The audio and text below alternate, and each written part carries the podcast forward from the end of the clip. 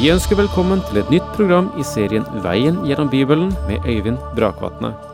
Denne studieserien er produsert av P7 Kristen Riksradio og bygger på serien Through the Bible av Vernon McGee. I dag fortsetter vi med gjennomgangen av Markus evangelium.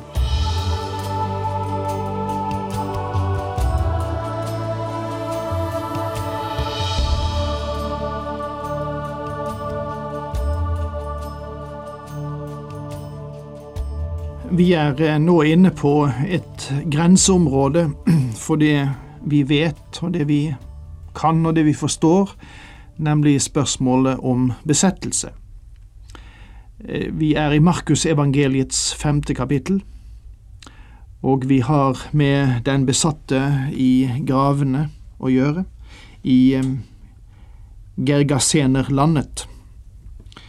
Vi begynte på denne lignelsen sist, og vi endte med vers 7, som fremstilte denne splittede personligheten. Og jeg sa det at det er delvis mannen og delvis demonen som taler eh, i det som ble sagt i den omtalen av ham. Og i vers 7 så sies det bokstavelig Hva har du med meg å gjøre, Jesus, sønn av den høyeste Gud?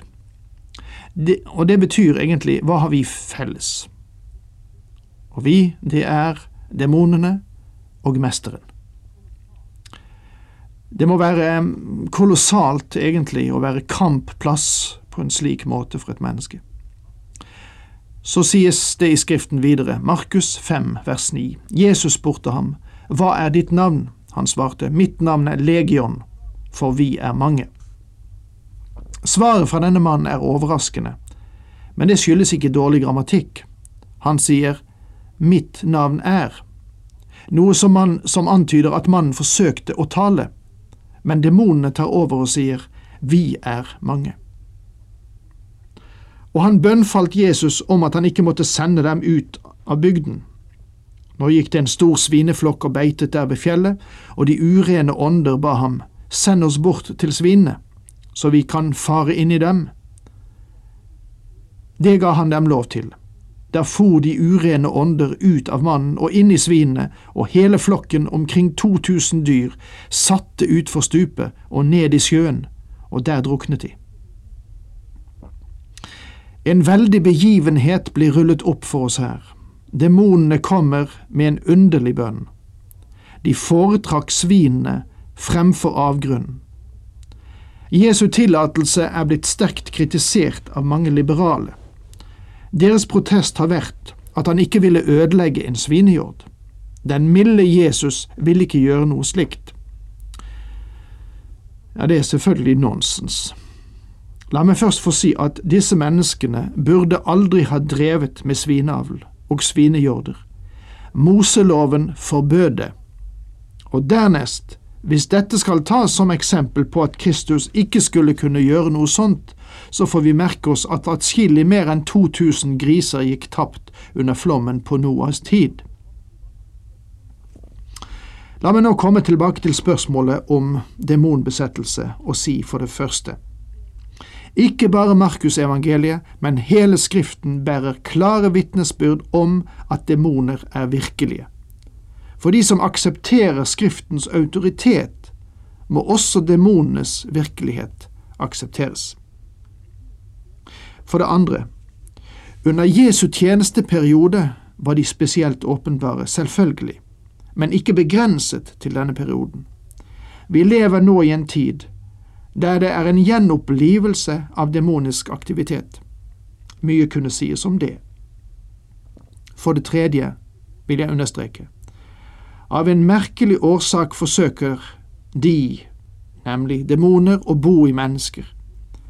De forsøker å manifestere sin onde natur gjennom mennesker. Vi er svært rastløse. Den beskrivelsen synes å være klar. Når en uren ånd farer ut av et menneske, flakker den som på øde vidder, på leting etter et hvilested, men finner det ikke. Da sier den, Jeg vil vende tilbake til huset mitt som jeg forlot. Er ikke dette karakteristisk for alt som er ondt, selv onde mennesker? Det er en intens rastløshet for å finne uttrykk for den onde natur. Gode ånder forsøker aldri å ta bolig i mennesker. Den hellige ånd er det eneste unntak, og han bor bare i troende. Men like sant som at han bor i troende, så kan demoner besette den ikke-troende. Demoner kan ikke besette den frelste. Det ble sagt oss at Han som er i oss, nemlig Den hellige ånd, er større enn Han som er i verden, nemlig Satan. Slik står det i 1. Johannes brev, kapittel 4, vers 4. Derfor kan et Guds barn ikke være demonbesatt. I denne tildragelsen, og det er det fjerde jeg vil si, ville demonene heller være i en svinejord enn i avgrunnen, og det er interessant å legge merke til. For det femte, la meg si, de burde kalles demoner og ikke djevler. Det er bare én djevel. De kalles urene ånder, som er en beskrivelse av deres natur. For det sjette, Skriften gir oss ingen forklaring på deres opprinnelse. Skulle jeg si noe mer om det, så måtte det bli høyst spekulativt, og jeg skal komme tilbake til det igjen om et lite øyeblikk. For det syvende merker vi oss at det synes å være svært mange av dem. Og for det åttende, de er under Satans kontroll. Jeg sa at jeg ikke ville spekulere, men jeg kan vel si så mye at jeg er av den mening at da Satan falt, så var dette de engler som fulgte ham. Og når jeg så har sagt dette, så la oss ikke gå lenger. Jeg tror ikke vi kan strekke det lenger heller. For det niende merker vi oss at deres hensikt, nemlig demonenes hensikt, er å ødelegge mennesket.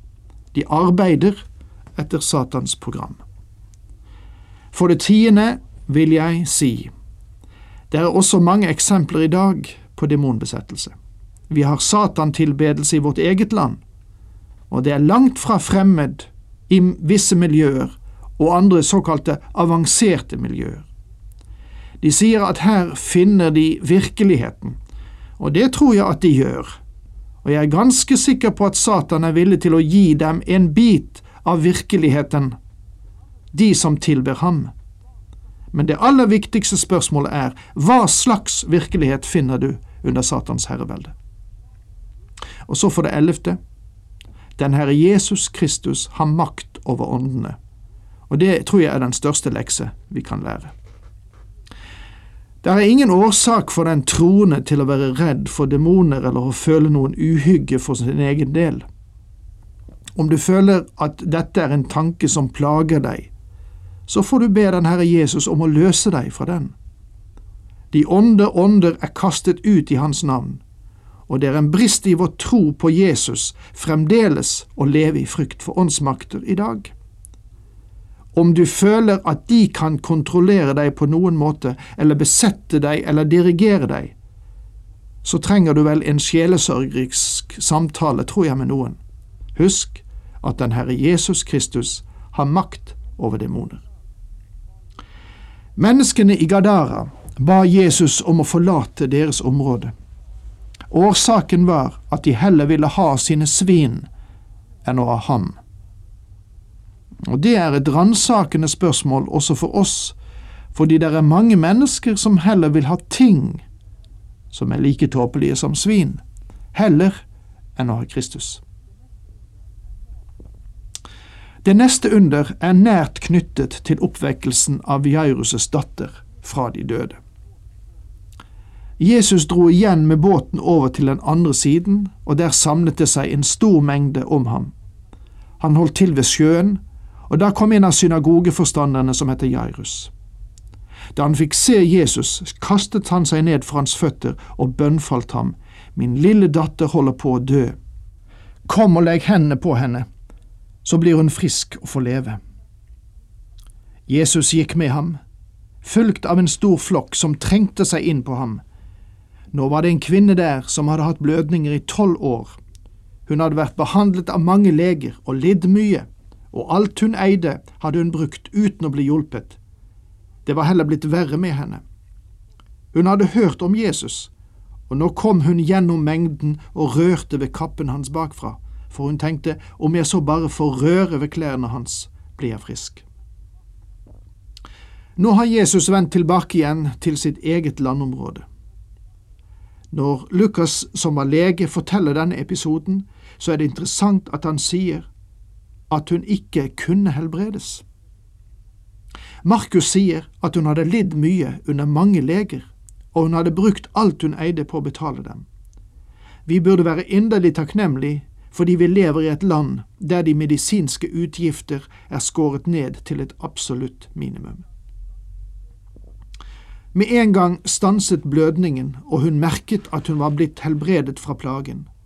I det samme kjente Jesus at en kraft gikk ut fra ham, og han snudde seg til folkemengden og sa, Hvem rørte ved klærne mine? Disiplene sa, Du ser hvordan folk trenger seg på deg, og så spør du hvem som rørte ved deg. Disiplene syntes det var et merkelig spørsmål, siden mengden presset ham fra alle kanter men det var bare én som rørte ved ham i tro for å bli helbredet. Situasjonen er den samme i dag. Jeg tror det er en masse mennesker som bruker Jesu navn ganske romslig. De renner rundt og sier at det er Jesus ditt og Jesus datt, og mennesker tror at de må da sannelig kjenne ham, de. Visst kjenner de ham, men de har rørt ved ham som mengden rører ved ham ikke slik denne kvinnen rørte ved ham. Hun rørte ved ham i tro for å bli helbredet. Men Jesus så seg omkring for å få øye på den som hadde gjort det. Kvinnen skalv av frykt, for hun visste hva som var skjedd med henne, og hun kom og fortalte ham alt som det var. Da sa han til henne, Datter, din tro har frelst deg. Gå bort med fred, du skal være fri for din plage. Hun hadde vært plaget av sin blødning i tolv år. La du merke til at den lille piken var tolv år gammel, som vi nå senere kommer til? Tolv års lidelse er nå slutt, og tolv års lys vendes til mørke, til dødens mørke. Jeg kan bare tenke meg at da denne pikens far så Herren ta tid til å snakke med denne kvinnen og helbrede henne, tenkte han med seg selv, å, hvorfor skynder han seg ikke? Vet han ikke at den lille jenta mi er så syk hjemme at hun vil dø hvis han ikke skynder seg nå? Jeg tror det var med hensikt at Herren ikke tok beinveien til den lille piken. Han helbredet denne kvinne, og mens han var opptatt med henne, kommer det et bud, og en beskjed blir hvisket i farens øre. Mens han ennå talte, kom det folk fra synagogeforstanderens hus og sa, Din datter er død, hvorfor bryr du mesteren lenger? Jesus hørte dem som ble sagt, og sa til synagogeforstanderen, Frykt ikke, bare tro. Nå lot han ingen andre følge med enn Peter, Jakob og Johannes, Jakobs bror. Da de kom til synagogeforstanderens hus, og han så alt oppstyret og folket som gråt og jamret seg, gikk han inn og sa til dem, Hvorfor larmer og gråter dere? Barnet er ikke død, hun sover. De bare lo av ham. Men han drev alle ut og tok med seg barnets far og mor og dem som var med ham, og gikk inn der barnet lå. Og med denne trøsterike beretningen så må jeg si takk for i dag. Vi ses igjen snart, håper jeg. Herren med deg.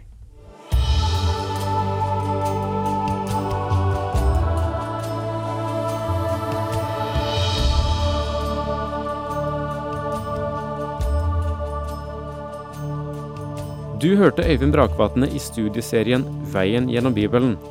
Serien bygger på et manus av Vern McGee. Har du spørsmål eller kommentarer til programmet, kan du sende en e-post til vgb krøllalfa p7.no. Takk for i dag, og på gjenhør.